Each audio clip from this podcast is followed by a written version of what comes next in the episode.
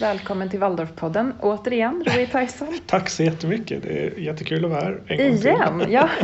Vi hade ju ett litet missöde med vår första, eller jag hade ett litet missöde med den, den första podden som vi spelade in. Så nu är det här inspelning nummer två. Men vi gör ett litet ljudtest och ser hur det blir. Yes.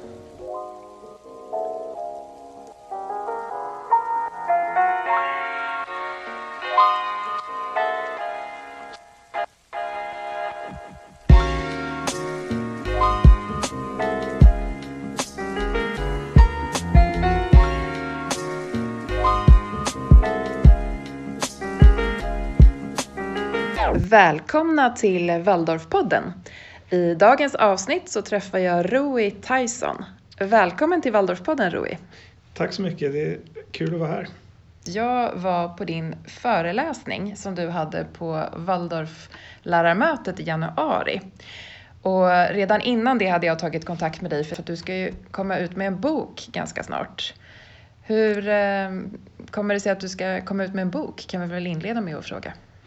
Ja, det är som många historier ganska långt på ett sätt men i, i, korthet så baseras boken på mitt forskningsarbete jag gjorde. Jag disputerade för två år sedan och då var temat bildningsfrågor i yrkesutbildningssammanhang.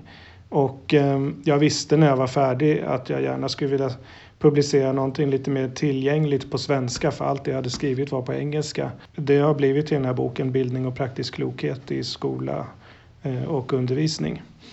Eh, som kommer ut på Natur och kultur här om en dryg månad.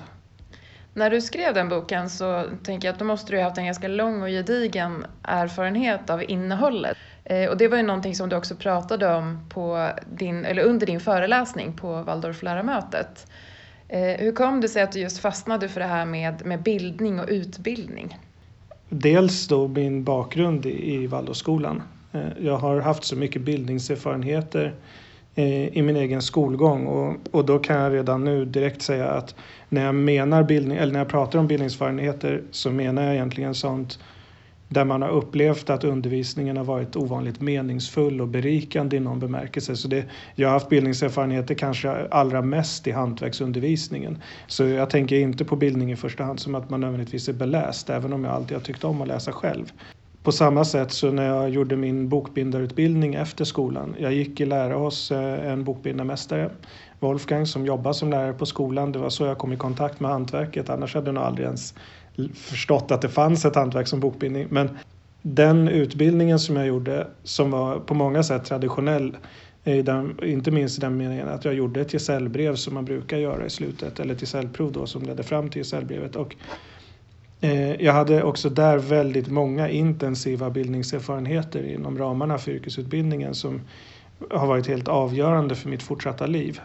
Ehm, så det är skälet till att jag kom till just den här forskningsfrågan som jag hade när jag gjorde mitt doktorsarbete sen. Att just att intressera mig för vad man kan ha för bildningserfarenheter i yrkessammanhang eftersom särskilt här i Sverige, vi har inte riktigt ett etablerat begrepp i, i form av yrkesbildning. I Tyskland pratar man om det som någonting mer eller mindre självklart i varje fall, men hos oss så är det liksom lite försvunnet. Så det är lätt att man bara tänker sig att en yrkesutbildning är någonting väldigt konkret och praktiskt. Att det i någon bemärkelse står i kontrast till allmänbildning. Men det skulle jag säga är helt enkelt inte riktigt som det i praktiken är.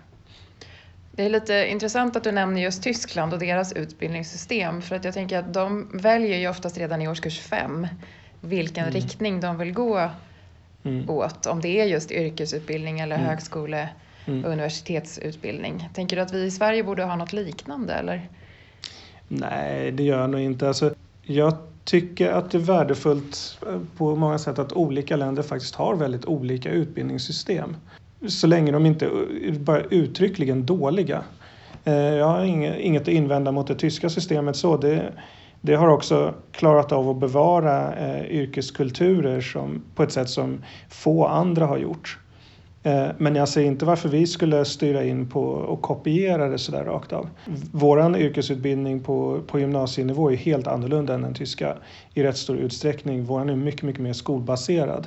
Och det går nog inte att ändra på helt enkelt därför att det är de tyska företagen som har ansvar för yrkesutbildningarna där och våra svenska företag vill inte ha det ansvaret, åtminstone har jag inte hört någonting annat när, när man har haft det till diskussion utan de vill att skolan och staten ska sköta det. Och då kan man inte räkna med att det går att ha eh, alltså lärlingsbaserade yrkesutbildningar på det sättet som, som är vitt spritt i Tyskland. Eh, men jag tycker man kan ta tillvara på det skolbaserade. Alltså det som skolan har som en förutsättning på ett bättre sätt än, än eh, eh, mer företagsförlagd yrkesutbildning är just att man kan fokusera på det bildningsorienterade delen av yrkes, yrkesutbildningen mycket mer liksom effektivt eller eh, kanske inte effektivt men med ett större engagemang. Eh, det syns också i, i de eh, yrkesbildningsberättelser jag har dokumenterat i forskningsarbetet att mycket av det som Wolfgang pratade om när han berättade om sin egen yrkesutbildning i Tyskland på 50-talet det var just i yrkesskolan de gick i en gång i veckan som lärarna där eh, gjorde saker som var väldigt bildande. Det var inte lika, inte lika mycket i, ifrån det som man gjorde i verkstaden sen. Det berodde säkert också på att hans verkstadsmästare var en kolerisk och bitvis inte alls så trevlig person. så han nog inte var så lätt att ha att göra med. Och jag, jag förenklar saken förstås en del men det ligger nog en del i det där åtminstone.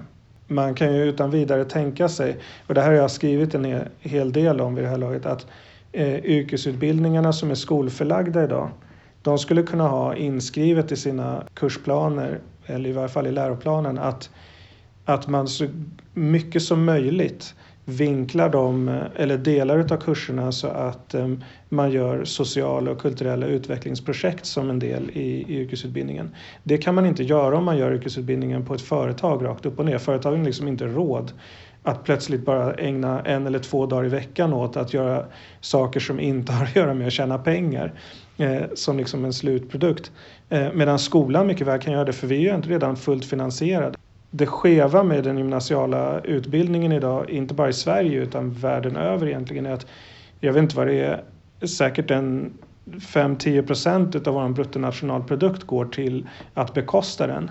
Och så slutar liksom investeringen i skolan. Eh, det är inte helt underligt, alltså det är min lön som det går till och till eh, att betala lokalerna och sånt där.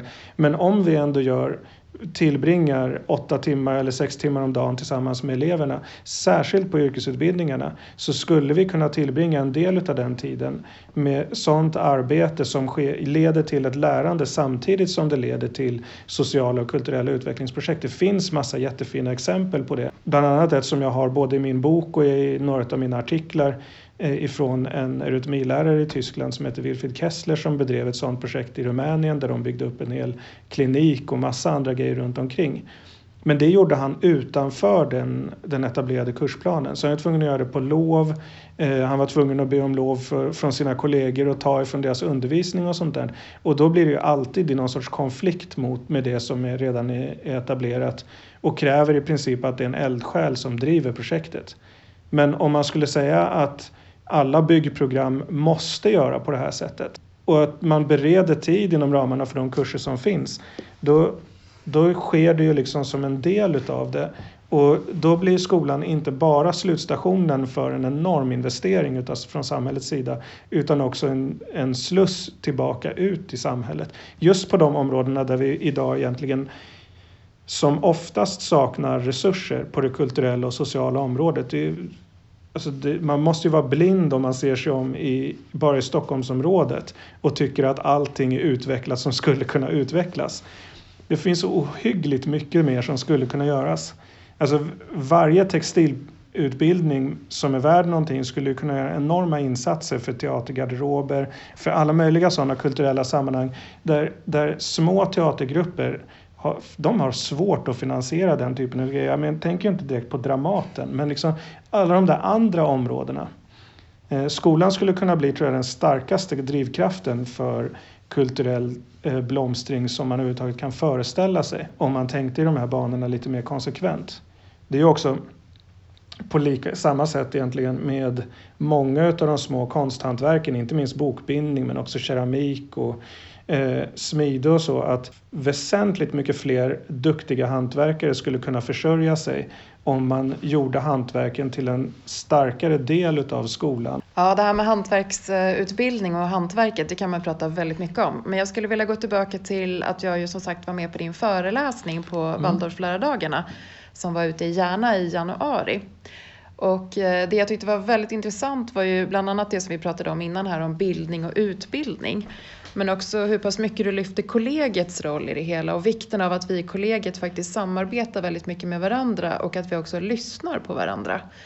Eh, kan du berätta lite mer om det, hur du tänker kring, kring ja. den saken? Okej, okay, då går jag direkt på det kollegiala här. För det, det är väl också någonting som eh, jag, jag är lätt inte den första som har slagits utav det. Jag, eh, jag läste eh, för många år sedan nu en bok som heter The Heart of Higher Education utav Parker Palmer och Arthur Science som tar upp liknande frågor runt omkring det kollegiala som säkert har legat där lite mer omedvetet och, och spelat med också. Men eh, det som jag sa på, eh, på mötet då när jag hade föreläsning om det och som jag har skrivit lite grann om i boken det är hur viktigt det är att vi, vi är medvetna om varandras eh, undervisningsideal skulle jag väl nästan säga. För jag tänker mig att de flesta av oss som jobbar i, i skola, säkert också i andra sådana här sociala verksamheter som vård och liknande, eventuellt eller mycket sannolikt i nästan alla yrkessammanhang, har någon typ av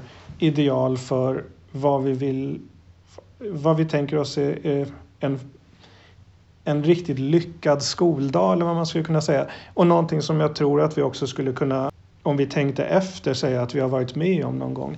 Om vi inte har varit med om det som lärare, vilket är tragiskt i sig, så har vi förmodligen varit med om det som elever. För att eh, det är det som också har lockat oss in i yrket. Vi har liksom en dröm om vad vi skulle kunna göra.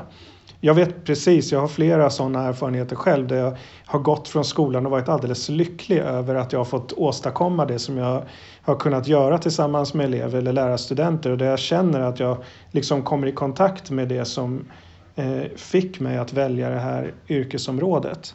Och det som jag har tänkt, eh, eller som dit jag vill komma med det här, det är att problemet är att jag vet det för min egen del eller borde i varje fall veta det som lärare för min egen del. För om jag inte ens vet om det så är det svårt för mig att riktigt ha en, ha en riktning med det som jag håller på med. Så om man som eh, lärare inte vet vad man har för ideal då är det värt att sätta sig ner och börja reflektera över vad, vad var det egentligen som gjorde, när kände jag mig ovanligt berikad utav att undervisa eller bli undervisad? Vad är det som ligger i min dröm om, om vad skola kan vara? Eh, och problemet är att om jag bara går runt och bär på det själv så har ju inte mina kollegor en möjlighet att hjälpa mig att förverkliga det. Och då blir ju i förlängningen allt det arbete som jag måste lägga ner på att få till det. Det blir ett arbete som kommer med mycket större motstånd eftersom ingen annan vet om att det är dit jag vill med det hela och då, då måste jag liksom göra det ensam i någon mening. Och, eh, jag kan inte se hur det i, i det långa loppet kan vara eh, till fördel för en skola. Att varje lärare liksom kör sitt eget race där. Eh, det kan mycket väl vara så att om vi blir medvetna om varandras eh, undervisningsideal att vi också blir medvetna om att några av dem faktiskt inte är kompatibla eller vad man ska säga. Att de inte riktigt går ihop och att det därför är nödvändigt för en eller annan att söka sig till ett annat ställe där det gemensamma är mer i linje med det som man vill. För det finns i, i grund och botten lite olika Alltså fundamentalt olika sätt att se på vad skolan ska göra. Jag har ingen ingen åsikt om vilket som är bäst. Och nu tänker jag till exempel på de skolor som kallar sig för, eh, i någon mening, vad kallar de sig för? Eh, eh free schooling initiatives brukar det kallas på engelska, engelska sånt där. Alltså skolor där eleverna själva är de som ska driva sin utveckling och sitt lärande. Jag tror inte det är en skola för alla barn, säkert inte ens för en majoritet. Men jag har träffat på tillräckligt många barn och ungdomar som är extremt drivna eh, för att vara säker på att för en del av dem så är det en utbildningsform som skulle funka väldigt bra. Det skulle delvis ha funkat väldigt bra för min egen del också givet att det fanns bra kompetens runt omkring. Alltså jag tyckte om att lära mig och visste vad jag ville många gånger. Men den typen av eh, skolideal är inte Eh, förenligt med en skola som har en mycket starkare föreställning om att man ska förverkliga en kursplan och sånt där. Eh, och har man det som utbildningsideal då får man antingen leta efter en skola där man också bär det gemensamt. Eller så får man ju i bästa fall rimligtvis ha små områden där den typen av utbildningsform kommer till, till uttryck inom ramarna för det större, mer styrda. Och kan man leva med det så kan man ju förstås. Och jag kan tänka mig att det kan vara väldigt berikande för en skola att ha några kollegor som brinner för just den sortens utbildning eh, och som är beredda att leva med en utbildning som är mer styrd och också liksom bidra till det och inte dra sig undan för det är då det inte funkar. Utan som helhjärtat gå med på det vardagliga givet att de får utrymme för den där eh, fria eh, utbildningsformen lite då och då. Och vet vi inte om varandras liksom ideal där då är det mycket, mycket lättare att man helt enkelt hamnar i konflikt kring eh, hur de här sakerna förväntas funka och vad man vill med det och så. Och så. Medan i takt med att jag blir medveten om vad mina kollegor har för ideal så kan det snarare vara så att vi samlas runt omkring ett eller två eller några liksom och verkligen fokuserat hjälper till att förverkliga det under ett tag. Och sen gör det motsvarande för någon annan eller några andra. Och då behöver inte jag använda den energin. Alltså varje, det är jag också egentligen innerligt övertygad om. Så länge min energi går åt till att driva det som jag vill så kostar det i, i termer av arbete. Men för mig har det aldrig känts jobbigt att driva andra människors vilja på samma sätt. Jag har upplevt det som starkast kanske med elever. Där när jag har konfronterats med elever som verkligen vill någonting i bokbindningssammanhang så har de hjälpt mig mer än några andra att utveckla nya undervisningsformer. För bara några år sedan så hade jag en grupp elever där tre eller fyra var super, super engagerade i att få marmorera papper. Det var liksom en dröm de hade. Och det, jag, jag har tänkt på marmorering många år innan och tänkt det är så fruktansvärt mycket arbete att styra upp verktygen, färgerna, allting som ska förberedas och sånt att jag orkar inte. Men tack vare den drömmen som de hade så var det egentligen ganska lätt för mig att lägga ner betydligt mer tid än vad jag hade gjort annars. Tack vare dem så har jag en helt ny undervisnings ett helt nytt undervisningsinslag i, i fördjupningsarbetet som jag gör med eleverna sista gymnasieåret när de väljer bokbindning som är jätteuppskattat och som jag sen har kunnat plocka in här på Waldorflärarutbildningen och så också. Så de har betytt otroligt mycket för mig. Men det är bara därför att de har haft en dröm som jag har kunnat gå till mötes. Och jag skulle gärna tillmötesgå hur många andra drömmar som helst om jag, kunde, om jag kände till dem. För det är roligt att eh, se andra människor bli lyckliga och få, få förverkliga någonting. Och ja, Det är egentligen dit jag skulle vilja komma, att man jobbar kollegialt med att artikulera den här typen av grejer. Man kan göra det i kollegiet som helhet eller i, eh, i mindre grupper om man är en stor, stor skola. Det där är ju mer praktiska saker som man får lösa utifrån omständigheterna. Men att vi överhuvudtaget inte känner till varandras ideal eh, eller ens kanske tänker på att det är någonting som är relevant att känna till berövar oss en enorm makt egentligen till pedagogisk utveckling. Det här är ju jättespännande saker och framförallt så tänker jag att det är väldigt många som precis som du säger, inte riktigt har koll på vad kollegorna gör på skolan. Mm. Vi jobbar tillsammans varje dag men vi vet ju faktiskt inte riktigt hur vår undervisning ser ut. Och jag vet att det är några skolor som jag har varit på besök i men också som jag själv har jobbat i där vi också ibland har gjort utbyten så att vi går och besöker varandras lektioner. Och bara det har gjort att vi har fått en helt ny syn på hur vi faktiskt undervisar och vad vi får med oss och vad vi kan prata om. Och vi har gjort väldigt mycket samarbeten. Mm. Eh, framförallt är det på en skola där jag fortfarande jobbar som vi gör väldigt mycket ämnesöverskridande arbeten. Och eleverna vet om det och de vet också hur roligt det kommer att bli för att vi har gemensamma teman och, mm. och mycket sånt. Som, och just att det inte är någon prestige i det här utan att vi, vi jobbar utifrån där vi är och där vi befinner oss. Mm. Eh, jag skulle vilja gå tillbaka också till din bok. Den ska ju komma här nu alldeles snart. Är det nu här i mars eller är det i april som den kommer? Eh, den kommer nog, jag skulle gissa mitten, slutet av april. Den är på korrekturläsning just nu så, och det tar några veckor att producera den sen. Varför tycker du att man ska läsa din bok?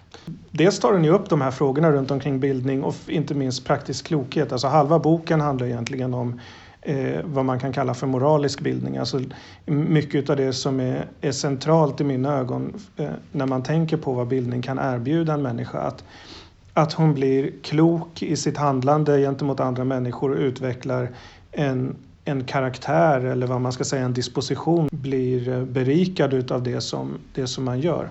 Det är ju förstås inte så enkelt i praktiken många gånger och många gånger finns det ju konflikter runt omkring vem som ska berikas och det är svårt att veta om det, man kan lösa saker så att det inte sker på någons bekostnad och sånt där. Men det, det är, gör ju inte att vi på något sätt inte behöver bli klokare. Utan tvärtom, det gör att vi behöver bli ännu klokare för att kunna hantera det. Eh, och framförallt handlar, eller innehåller boken eh, väldigt många exempel där lärare och andra berättar om hur de faktiskt har gjort när det har blivit ovanligt lyckat. Det är egentligen den viktigaste poängen jag har försökt driva hem med den här boken. Att det som, det som vi saknar idag, och det har också med det här kollegiala att göra i mångt och mycket, det är att jag gör kanske en erfarenhet själv där jag gör något tillsammans med elever som blir ovanligt lyckat på ett eller annat sätt.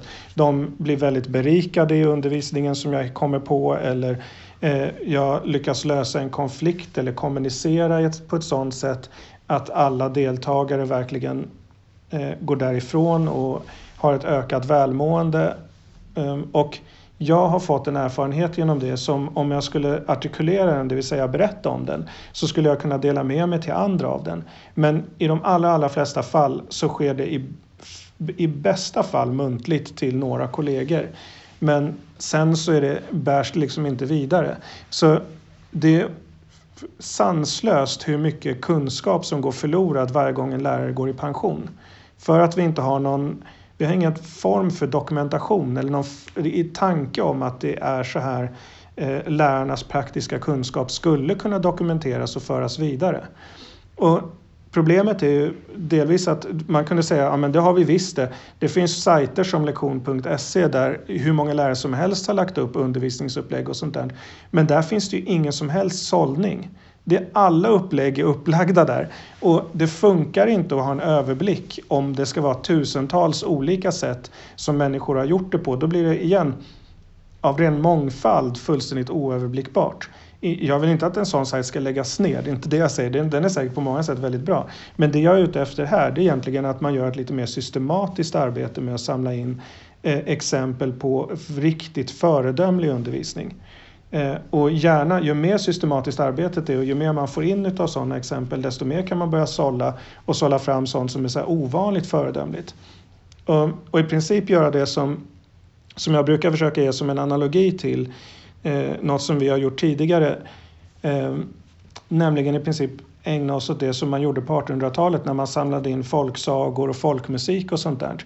Då, på samma sätt skulle vi kunna samla in undervisningsexempel till exempelsamlingar som kan ha olika teman om det är konfliktlösning på fritids eller om det är eh, den naturvetenskapliga undervisningen på gymnasiet i kemi eh, och så vidare. Det, det finns ju en ganska stor mängd sådana teman som man skulle kunna ha.